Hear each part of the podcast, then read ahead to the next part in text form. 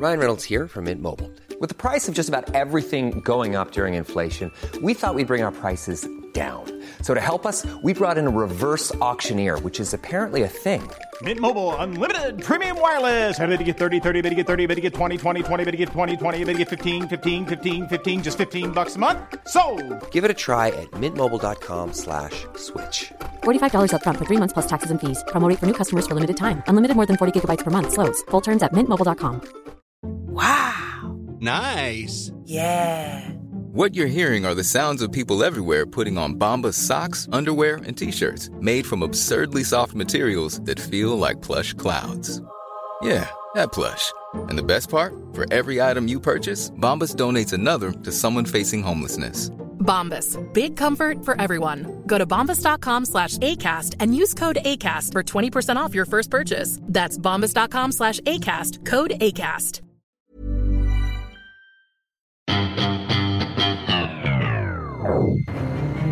Police now say they have a suspect in the case. Let's go to hon var ute på en motionsslinga och eh, kom inte tillbaka eh, på avtalad tid. One concern the police obviously has is that six months on, this slow of misstänks för mord på en kvinna i Frankfurt 1992. Någon har blivit knivhuggen på NK på Filippa K. Vi behöver ambulans hit med en gång. Hej och välkomna till ett nytt avsnitt av Lille Lördag Crime. Vi fick ju ganska mycket kritik för podden som var förra veckan och eh, egentligen inte bara den podden utan bara flera poddar eh, genom en debattartikel som Karina Höglund skrev och vi tog upp och pratade om den grejen i vår ordinarie podd Lille Lördag förra veckan. Eh, och nu har vi valt att ta den här podden ur ett brottsoffers perspektiv. Vi har löst hela konflikten med både Emma Jagnestig och Karina Höglund och eh, Sofie Hedman som är syster till Pernilla. Eh, de har alla blivit tillfrågade om de vill vara med i den här podden eh, och det, vi spelar in den här nu under valborg så att det har inte funkat ur det perspektivet. Men vi har en annan efterlevande till ett brottsoffer med oss i studion. Det är Rosanna Campogiani som är stora syster till Ricardo som blev dödad för tio år sedan eh, här i centrala Stockholm på Kungsholmen. Vi har också intervjuat eh, en av RAVs eh, två språkrör, Eva Britt. Eh, RAV är alltså Riksorganisationen för efterlevande för mordoffer. Men eh, vi ska börja med att lyssna på intervjun med Eva Britt. Hej Eva Britt Gabrielsen. Hej, hej. Hej hej.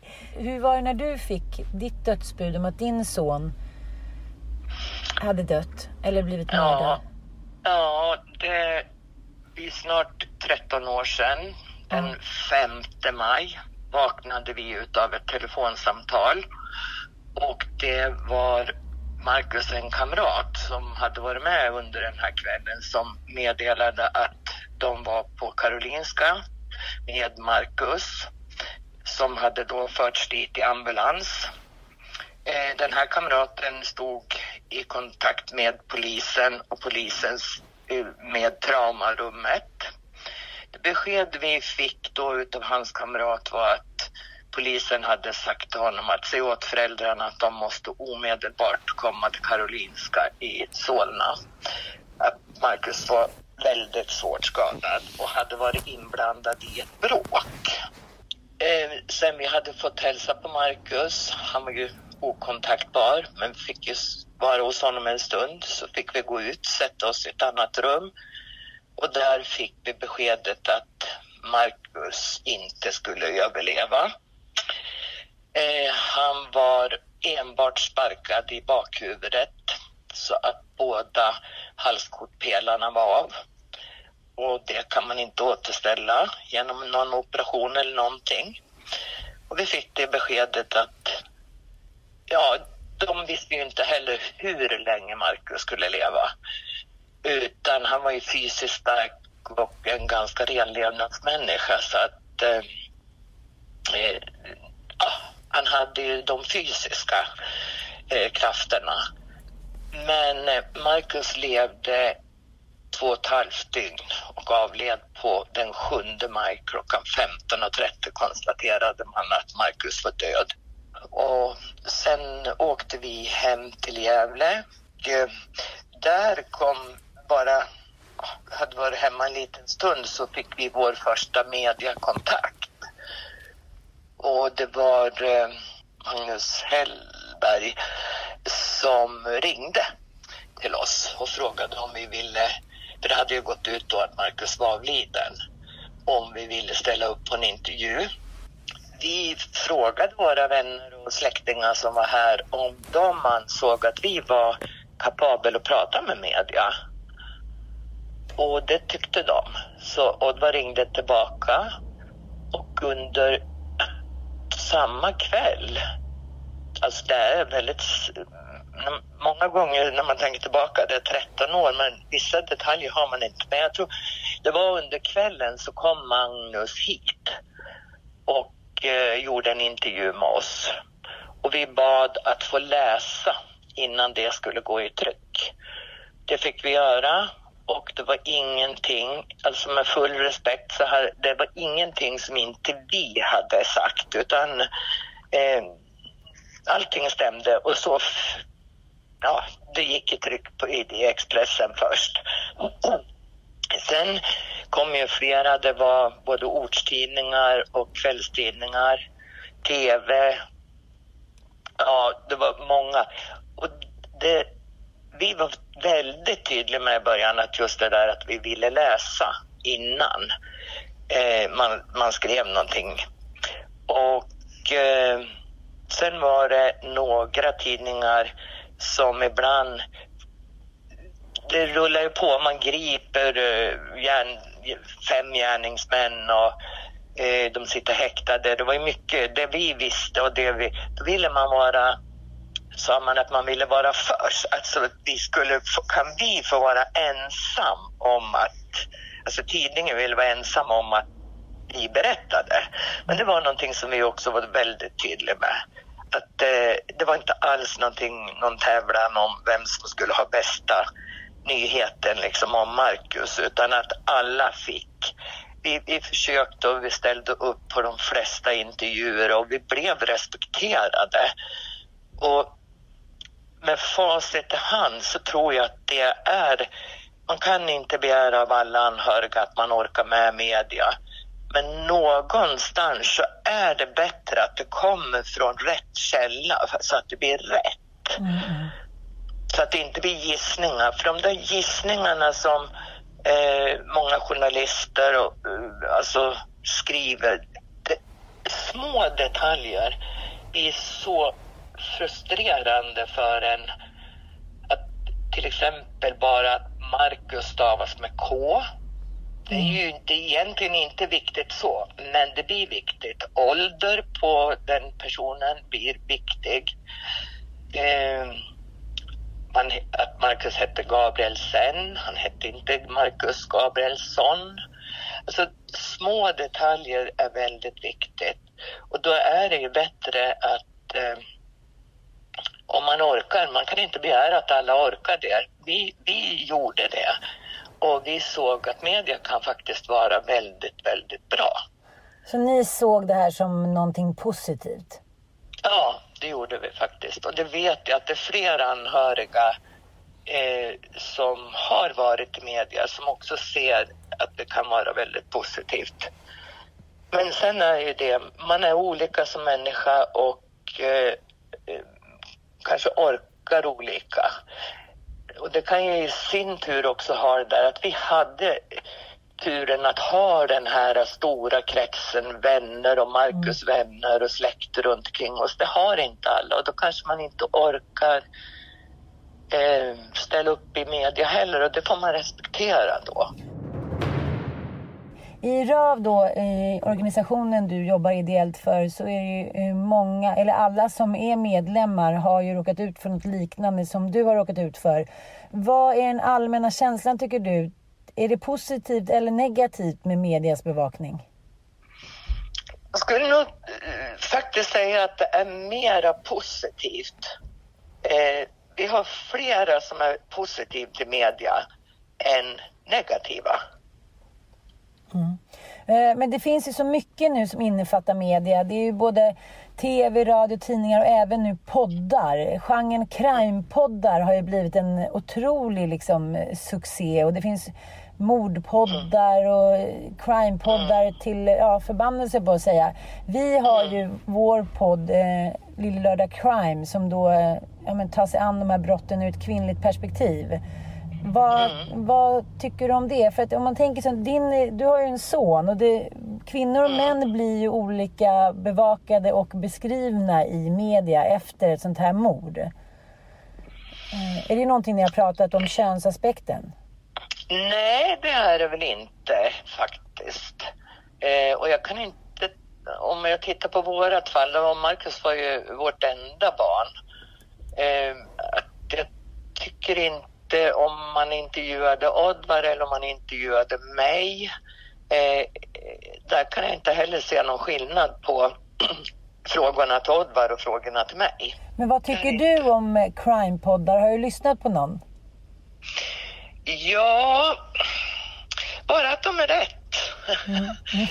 bara att det, det, det, det, det rullar tillbaka till det jag sa. Det är väldigt viktigt att inte gissa sig vilt utan att eh, tar man upp det i en crime, crime not-fall då, men då måste det ju vara de anhöriga som har uttalat sig. Det får inte vara en massa gissningar och spekulationer kring hur det kunde ha varit eller om och men och utan eh, det viktigaste är att prata med källan innan man skriver någonting. Det kanske är också så här att när det är precis nära när brottet har skett, då har det väldigt, väldigt stor betydelse.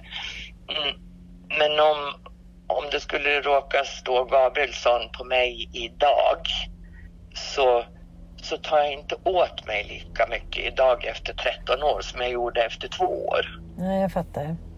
Mm. Så att, eh, ett råd är att när det nyligen har hänt och är färskt, då får man vara extra, extra noga med detaljer. De här eh, morden som sker, de blir väldigt uppmärksammade i media och vi eh, här i Sverige, vi, eh, ja, vi känner ju väldigt mycket för er som råkar ut för någonting sånt här. Så att, eh, men det som jag tycker att det låter som på dig, eller som jag märker på även andra efterlevande till eh, våldsdödade är ju att det blir någon sorts bearbetning också. Att prata om det här intervjuer och eh, ställa upp artiklar och ha till exempel minnesstunder och liknande. Så att det, det känns ändå som att det är ett givande och tagande mellan media och er. Ja, det är det. Och det är självklart att ett våldsbrott rör ju upp mycket känslor i, i, hos allmänheten också. Och, eh, men jag kan säga så här, det vi mår väldigt dåligt utav, det är att när det kommer i media, när man tar upp någonting igen, kan det stå och så är det en bild på gärningsman eller kvinna då. Och våran anhöriga tillsammans. Och det är också någonting som gör väldigt, väldigt ont hos de anhöriga. Ja, det, det har jag aldrig tänkt på. Men det är verkligen sant att se förövare och offer. Mm. Man vill liksom, man vill inte, alltså gärningsmännen som har haft ihjäl våra eh, kära, nära och kära, de vill vi inte ens, alltså vill inte ens tänka på dem. Eh, och eh, det finns liksom ingen, det finns ingen som eh, ens i världen kan tänka sig att liksom försonas på något vis med tanken att ja, men det kanske var si eller så, att han mådde dåligt eller hon mådde dåligt och så. Det finns ingen liksom, man vill bara tänka bort dem och då vill man inte se dem med våra liksom fina anhöriga och så är de klipp, hopklippta på varsin bild med Jag förstår. gärningsmannen. Så att eh, om vi tar eh, min och Anita Schulmans eh, crimepodd här. Då ser ni hellre att vi har en bild på offren, alltså era bortgångna nära och kära. En, Ja. ja. Ja, Det en var- fin bild på Marcus eller på Ja. någon annans. Eh, För Marcus, för det är som vi brukar säga, eh, man är ju så ledsen inombords. Men varje gång jag tittar på mig, jag har massa foton hemma och jag nämner Marcus, så Marcus kan, då, då har jag den här lyckokänslan bara jag säger namnet. Men jag vill inte, skulle inte vilja se Marcus bredvid hans tre gärningsmän. Nej. Gud, det tar vi verkligen med oss. Tack så mycket Eva-Britt för att du ställde upp och ha det så bra. Ja, tack, tack. Hej, hej. Välkommen hit Rosanna Campogiani. Eh, Tack så mycket. Hur upplever du det Eva-Britt sa? Eh, är det viktigt exempelvis det här med att man inte lägger bild på ett eh, brottsoffer tillsammans med förövarna eller förövarnas bild och så vidare? Eh, ja, det är det. Eh, och jag tror att vi som är då familj eller vad det nu är så är det ju man kan inte beskriva känslan för folk som kanske inte har varit i samma sits. Så att folk som gör det kanske inte tänker det på det sättet som vi gör. Att det blir jättejobbigt att se. För att man vill ju inte ens veta av de här människorna. Man vill mm. inte se det. Så att det, det är verkligen någonting som är jättejobbigt. Eva-Britt berättar om sin son, ja, hennes enda son som blev mördad. Och eh, hon och hennes nu avlidne man, de valde ju att nästan direkt, jag tror till och med att det var dagen efter, gå ut och prata i media. För att det inte skulle spekuleras och för att ja, rätt citat skulle komma ut och rätt historia. Men du och din syster och dina föräldrar, ni väntade länge med att uttala er i pressen, eller hur? Eh, ja, eh, det gjorde vi. Men jag tror att vi valde också att inte ens vilja vara med eh, på det sättet att kunna prata om det för det var så i, i chock och man visste liksom inte vad man skulle göra. Och jag tror att det är min pappa som har fått ta den ställningen och velat komma ut med det och prata av sig på det sättet att vara arg Ja, för alla verkar bearbeta det på olika sätt. Vissa vill ju absolut inte ha någonting med media att göra andra, under tiden. Andra upplever det som att, som Emma Jagnestig exempelvis, eh, upplevde nästan att det var terapeutiskt. Att få prata och få de där frågorna som kanske inte en vän vågar ställa. Eh, hur såg det ut, vad var det och detaljer och så vidare som kanske inte riktigt nära och kära vill gå in på. Och Emma föreläser ju för den här organisationen RAV. Mm om sina upplevelser och hur man går vidare och sådär. Men eh, ska vi backa bandet lite? Eh, Ricardo hade ju inte ens hunnit fylla 17 år. Det här var ju dagen innan hans 17 ja. födelsedag. Eh, han och hans tre bästa kompisar. Ja. Vi skulle, ja, de var hemma hos din mamma. Och chillade. Mm, så som, som, man gör i ja. tonåren. Liksom. Ja, jag har en son som också fyller 16. Så jag vet precis hur de beter sig. De är så här, vi vet inte, ska vi gå på fest, ska vi inte gå på fest? De är ganska soft att vara hemma med sina bästisar och sådär. Ja. De verkar vara väldigt, väldigt tajta. De eh, hade varit bästa kompisar sedan de var jättesmå, eller hur? Ja, för deras papper är ju väldigt goda vänner sedan de var barn, liksom, eller tonåren. Um, så de har ju växt upp med varandra allihopa. Uh, blöjbarn liksom. Mm. Um, och det var ju väldigt skönt att se att de alltid hade varandra. Så att man, man oroade sig inte samma sak. Nu har jag barn och en son på snart 14 år. Och så fort han går ut då känner man ju såhär, men gud, vilka ska han hänga med? Eller liksom, okej, okay, jag vet ju vilka hans kompisar är, men det är ändå en oro ah. när de går ut genom dörren.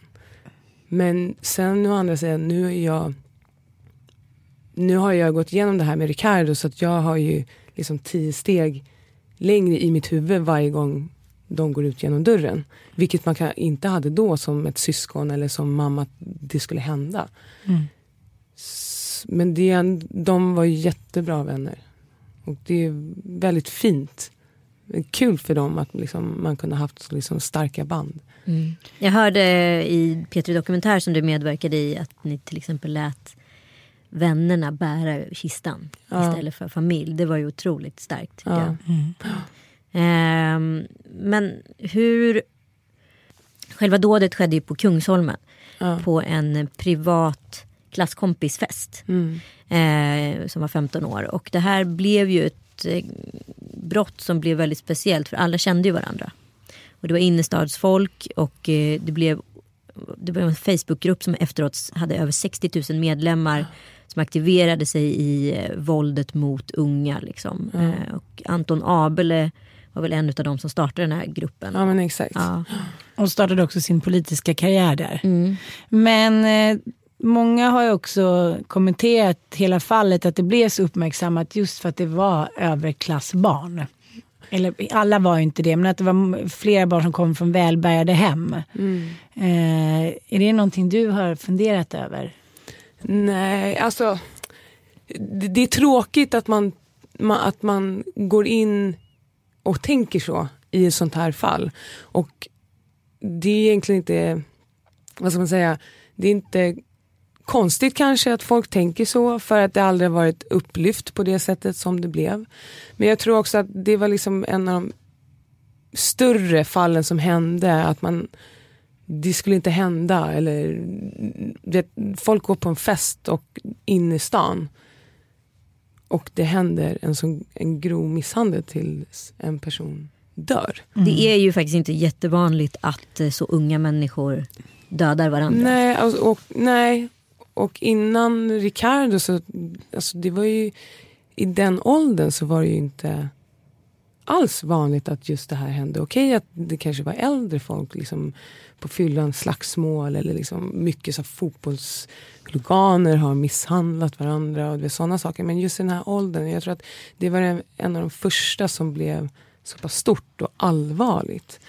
Um, och jag kan tänka mig att det är därför som båda delarna, att de tycker att det togs fram på grund av att ah, men det var överklassen, det var därför.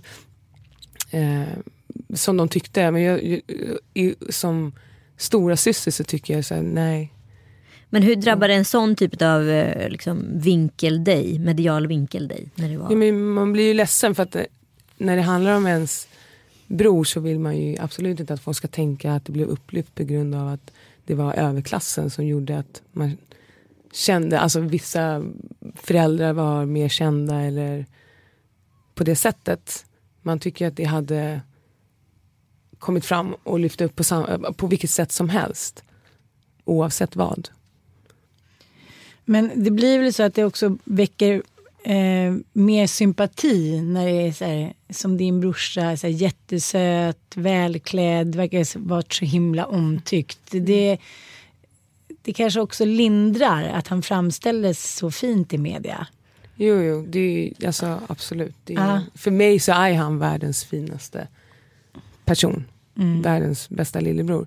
Um, så det, det, det, är svårt att sätta sig i en annan synvinkel när man är den som är, när ens lillebror. Så att, oavsett vad, så om att det blev så pass stort och, och fortfarande efter tio års tid så vill man fortfarande prata om det. Och sen om folk tycker att, ja, att kändisbarn eller kändisföräldrar eller vad som helst så, det finns inte så mycket jag, att tänka på. Mm. Eller för min del så är det svårt att tänka liksom, att, det, att det lyfts upp så pass mycket på grund av det. Du tycker inte att det river upp såren? Det, det blir ju ofta så här att en, något sånt här som helst som engagerar så väldigt många, det blir ju allas fall på något sätt. Kan du känna ibland så här, gud det här är mitt fall, där är min bror och min, min familjs eh, son och lillebror. Han är inte allas i Sverige. Har det känts så någon gång? Nej, jag känner tvärtom. För att jag tycker att jag, jag blir glad över att folk har tagit sig tid och känner för det här. Mm. Att gud vad, alltså, det de känner och pratar om det för mig känns ju no, är någonting positivt. För att han lever fortfarande kvar på det sättet att de fortfarande tänker. Och ibland kan de säga, men gud Kampuchean, gud jag känner igen det. Men gud, du är ju hans, du är hans stora syster. Mm. Så, så, på mig, för mig, att det fortfarande, folk fortfarande kommer ihåg det så är det ju någonting som är positivt. Fast, även fast det inte är positivt att det har hänt. Det håller hans liksom, minne vid liv? Ja, men exakt. Att hans mm. minne fortfarande är vid liv. Att folk fortfarande pratar om det. Känns det ju... Att det här fallet blev så pass stort. Att folk tog sig till det. Eh, jag vet inte hur du känner inför att höra detaljer eh, ur liksom, hur det gick till. du vet ju allting, alla detaljer hur han blev eh, ihjälsparkad. Ja. ja. Men du valde exempelvis inte att vara med på rättegången? Nej, jag valde att inte vara med för att jag kände att just den tiden behövde inte jag höra vad som har hänt honom. Eh, och jag ville vara med min familj och ta det sättet som jag valde att sörja honom. Jag behövde inte mm, detaljer, exakt vad som har hänt honom, vem som gjorde vad. Eh, att sitta i rättegången och folk inte kan ta på sig det de har gjort och sitta och bli frustrerad och arg istället för att vara, sörja på mitt sätt där man är ledsen och mm. försöker bearbeta sorgen. Och så som jag hörde att, att man inte vill ta på sig, det är en person som är död. Det, det har inte bara hänt. Och sitta i rättegång och folk ska skylla på varandra. Det kändes bara onödigt för mig att sitta och höra det. Du har ju medverkat i P3 Dokumentär. Ja. Mm. Har du lyssnat på intervjun med dig där? Eh, jag kunde lyssna ungefär tio minuter. Mm. Sen klarade inte jag av att lyssna något mer. Eh, och det, jag stänger väl av ja, men när de börjar jaga honom. Eh, och kände, nej, det kändes alldeles för hemskt. Det var som att man blev tillbakadragen tio år. Mm.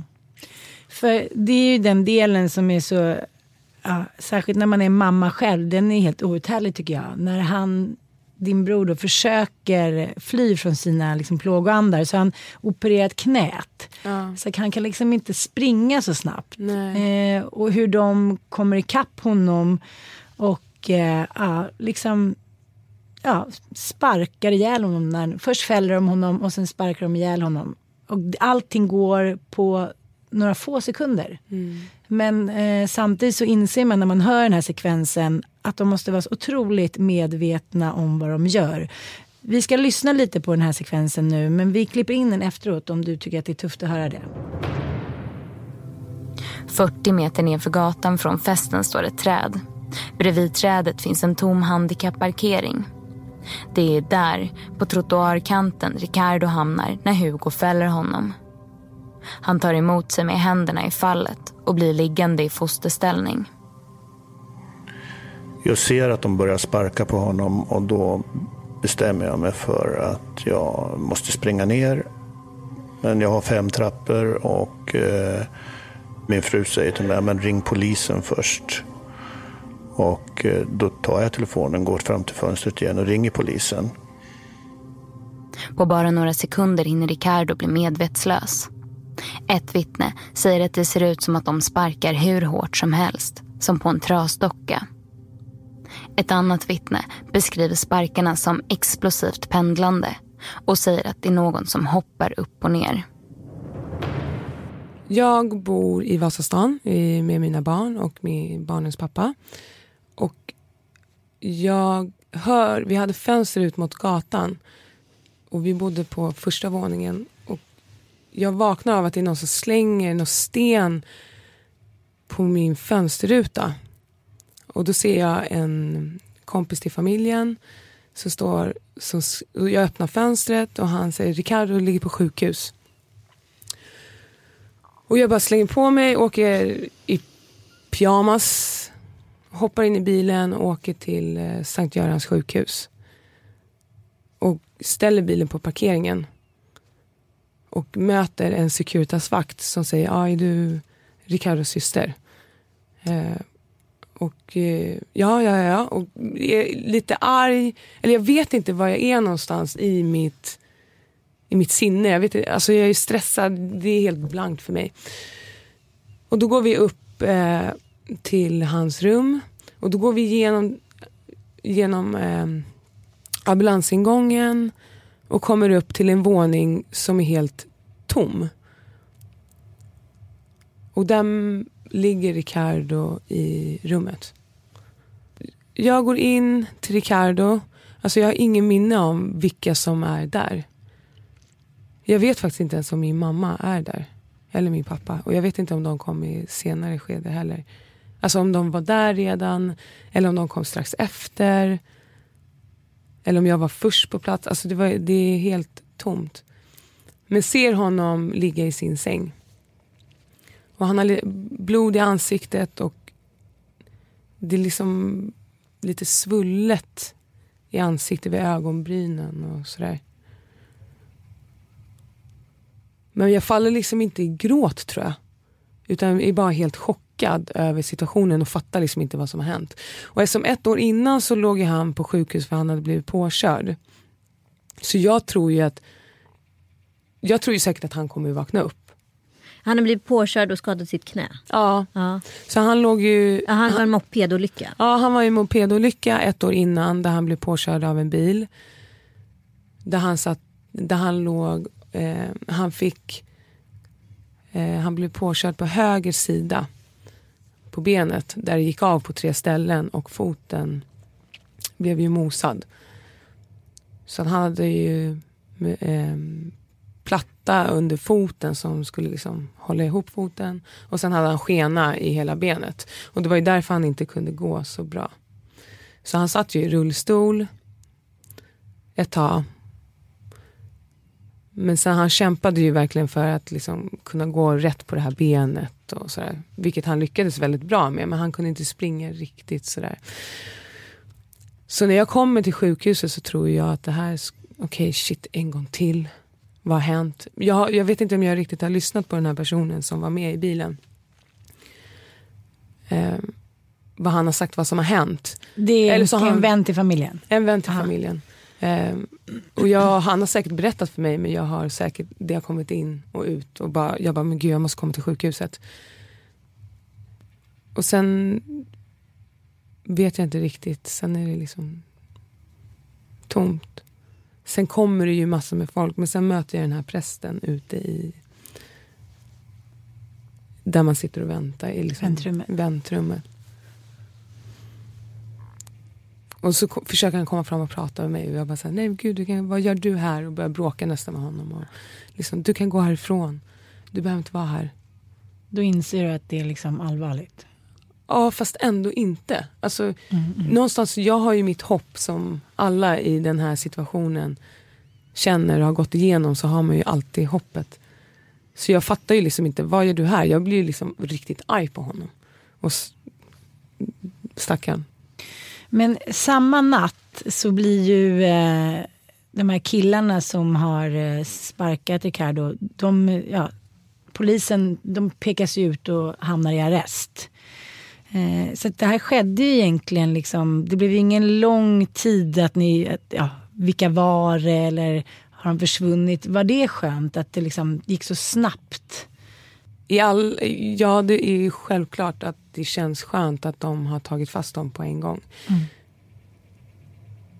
Det, det som blev tråkigt sen blir ju bara att den här pajkastningen som hände i efterhand mellan de här killarna.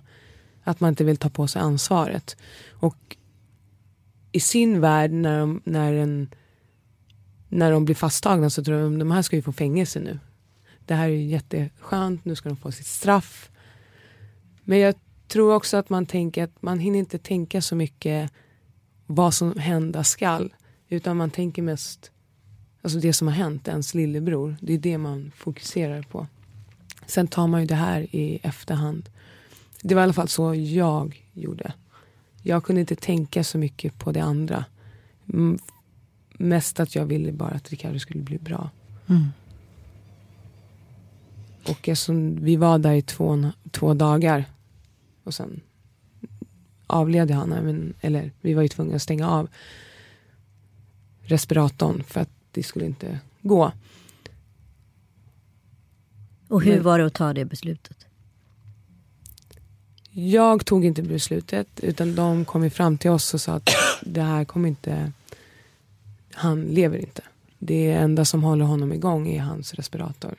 Och det vi ser på skärmen är ju bara Respiratorn. Ja men en respirator, det är det som håller honom igång. Stänger vi av det så, han är, han är ju död. Och det vi valde det var att vår pappa skulle stänga av.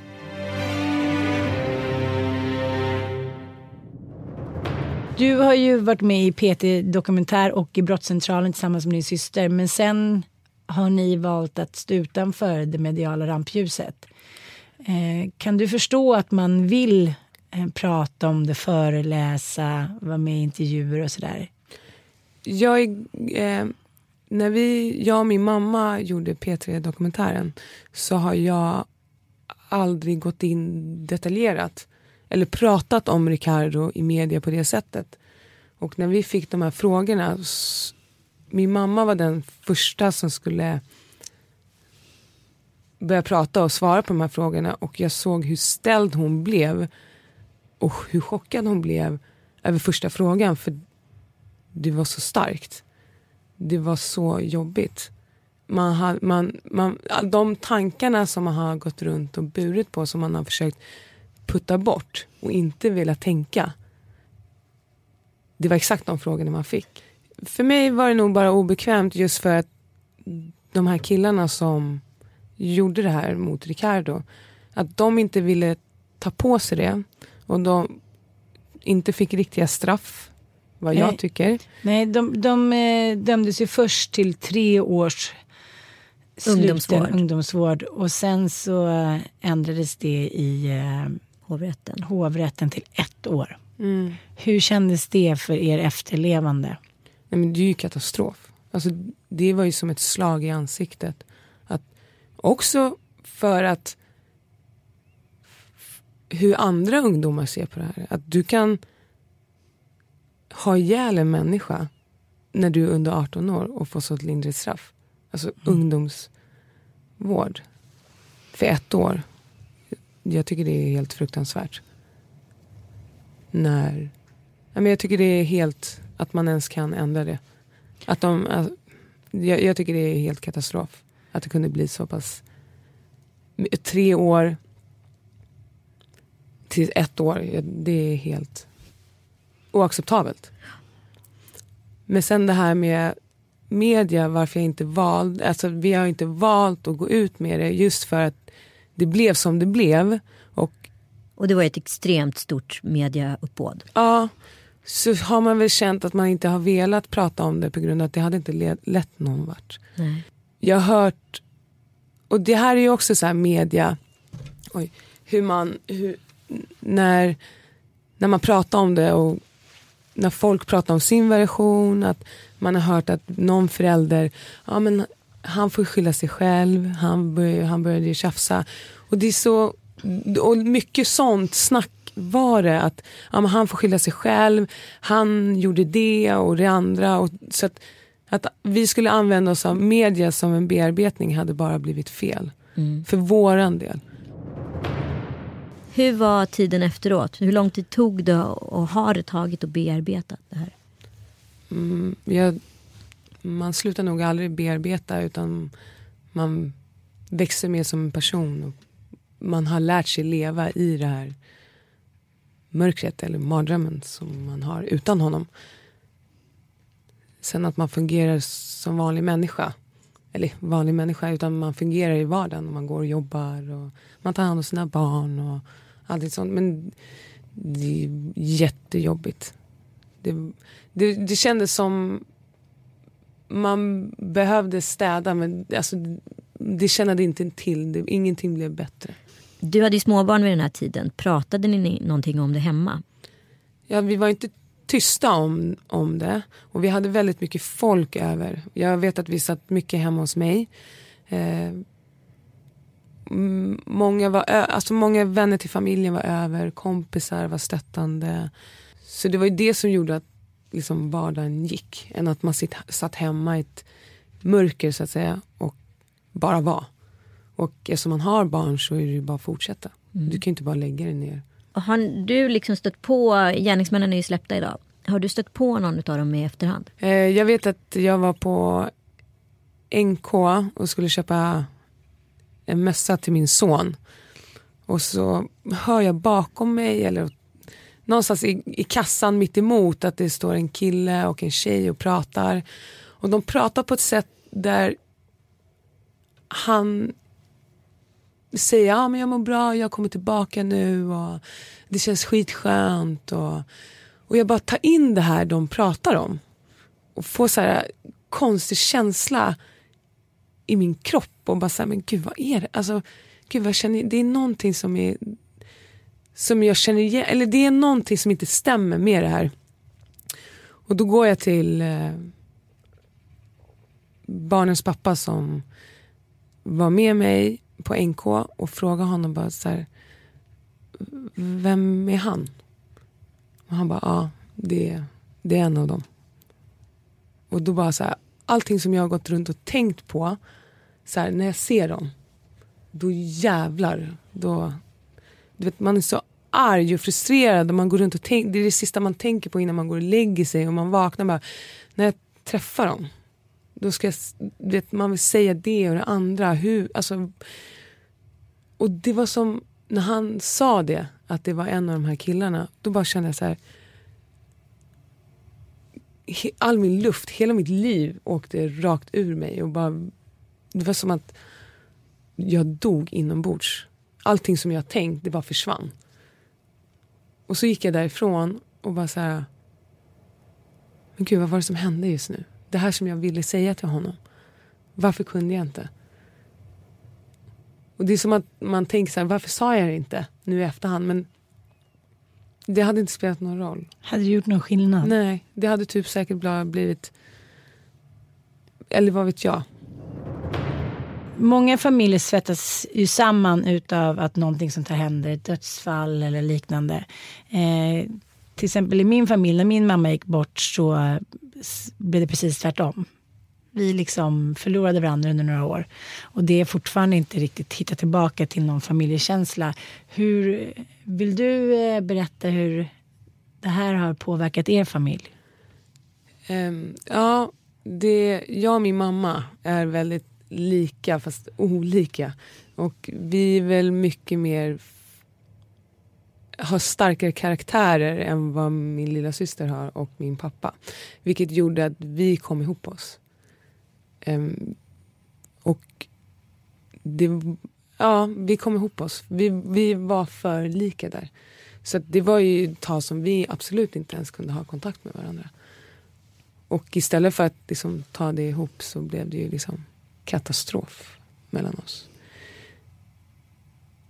Och om, jag vet inte hur länge det var, men jag kommer ihåg att vi satt hemma hos henne dagen efter vi hade lämnat Ricardo på sjukhuset och skulle diskutera hur vi skulle göra med det här.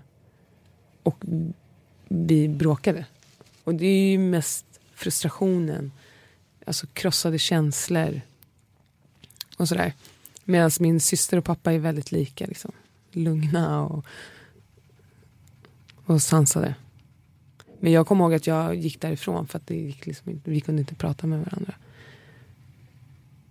Men idag, och jag tror att det, när det blir så en...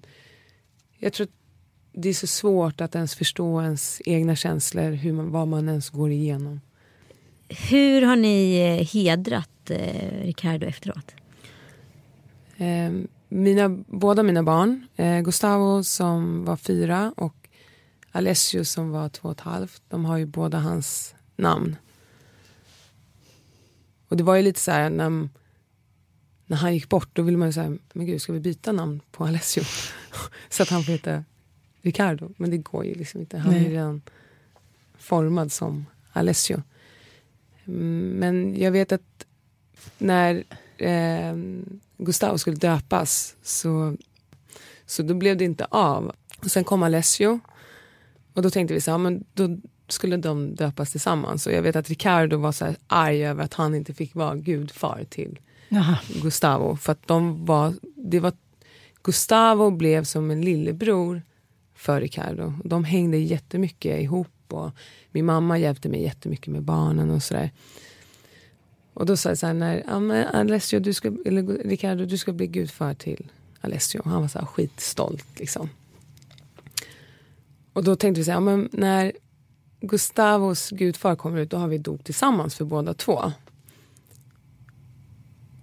Men då hände det här med Ricardo.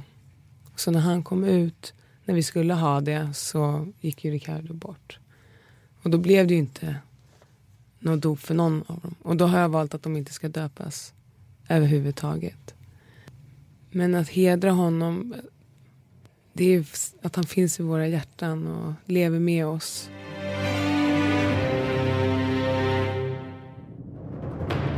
Eh, jag läste en intervju eh, när jag gjorde research inför det här i tidningen King. Och då berättade hans kompis, en av hans eh, tre närmsta kompisar var då Alesso, Filippo och Gorm. Gorm.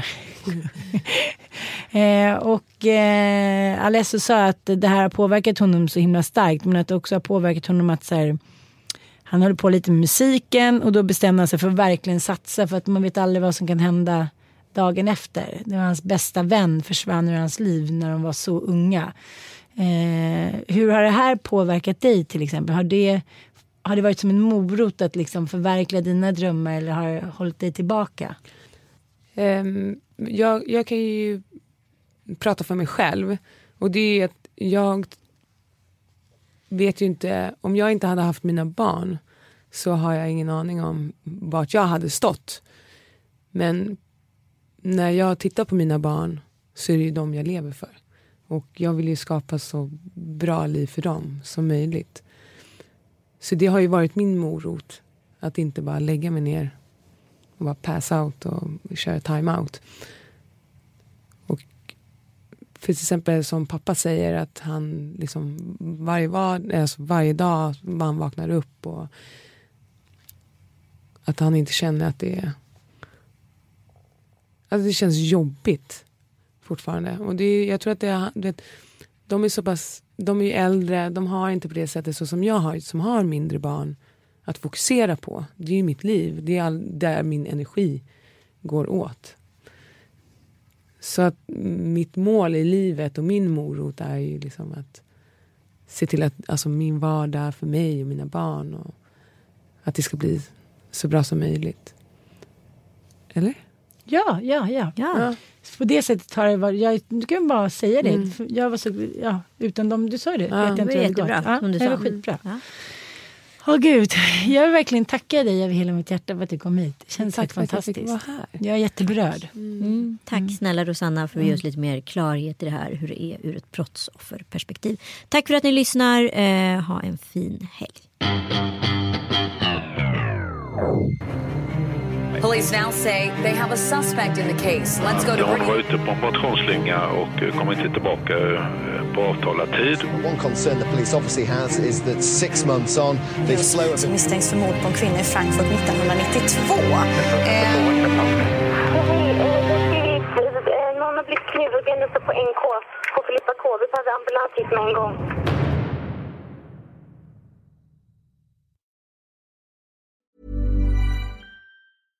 Imagine the softest sheets you've ever felt. Now imagine them getting even softer over time. That's what you'll feel with Bowl and Branch's organic cotton sheets. In a recent customer survey, 96% replied that Bowl and Branch sheets get softer with every wash. Start getting your best night's sleep in these sheets that get softer and softer for years to come. Try their sheets with a 30-night guarantee. Plus, get 15% off your first order at bowlandbranch.com. Code BUTTERY. Exclusions apply. See site for details. Mom deserves the best, and there's no better place to shop for Mother's Day than Whole Foods Market. They're your destination for unbeatable savings, from premium gifts to show-stopping flowers and irresistible desserts. Start by saving 33% with Prime on all body care and candles. Then get a 15-stem bunch of tulips for just $9.99 each with Prime. Round out Mom's menu with festive rosé, irresistible berry chantilly cake, and more special treats. Come celebrate Mother's Day at Whole Foods Market.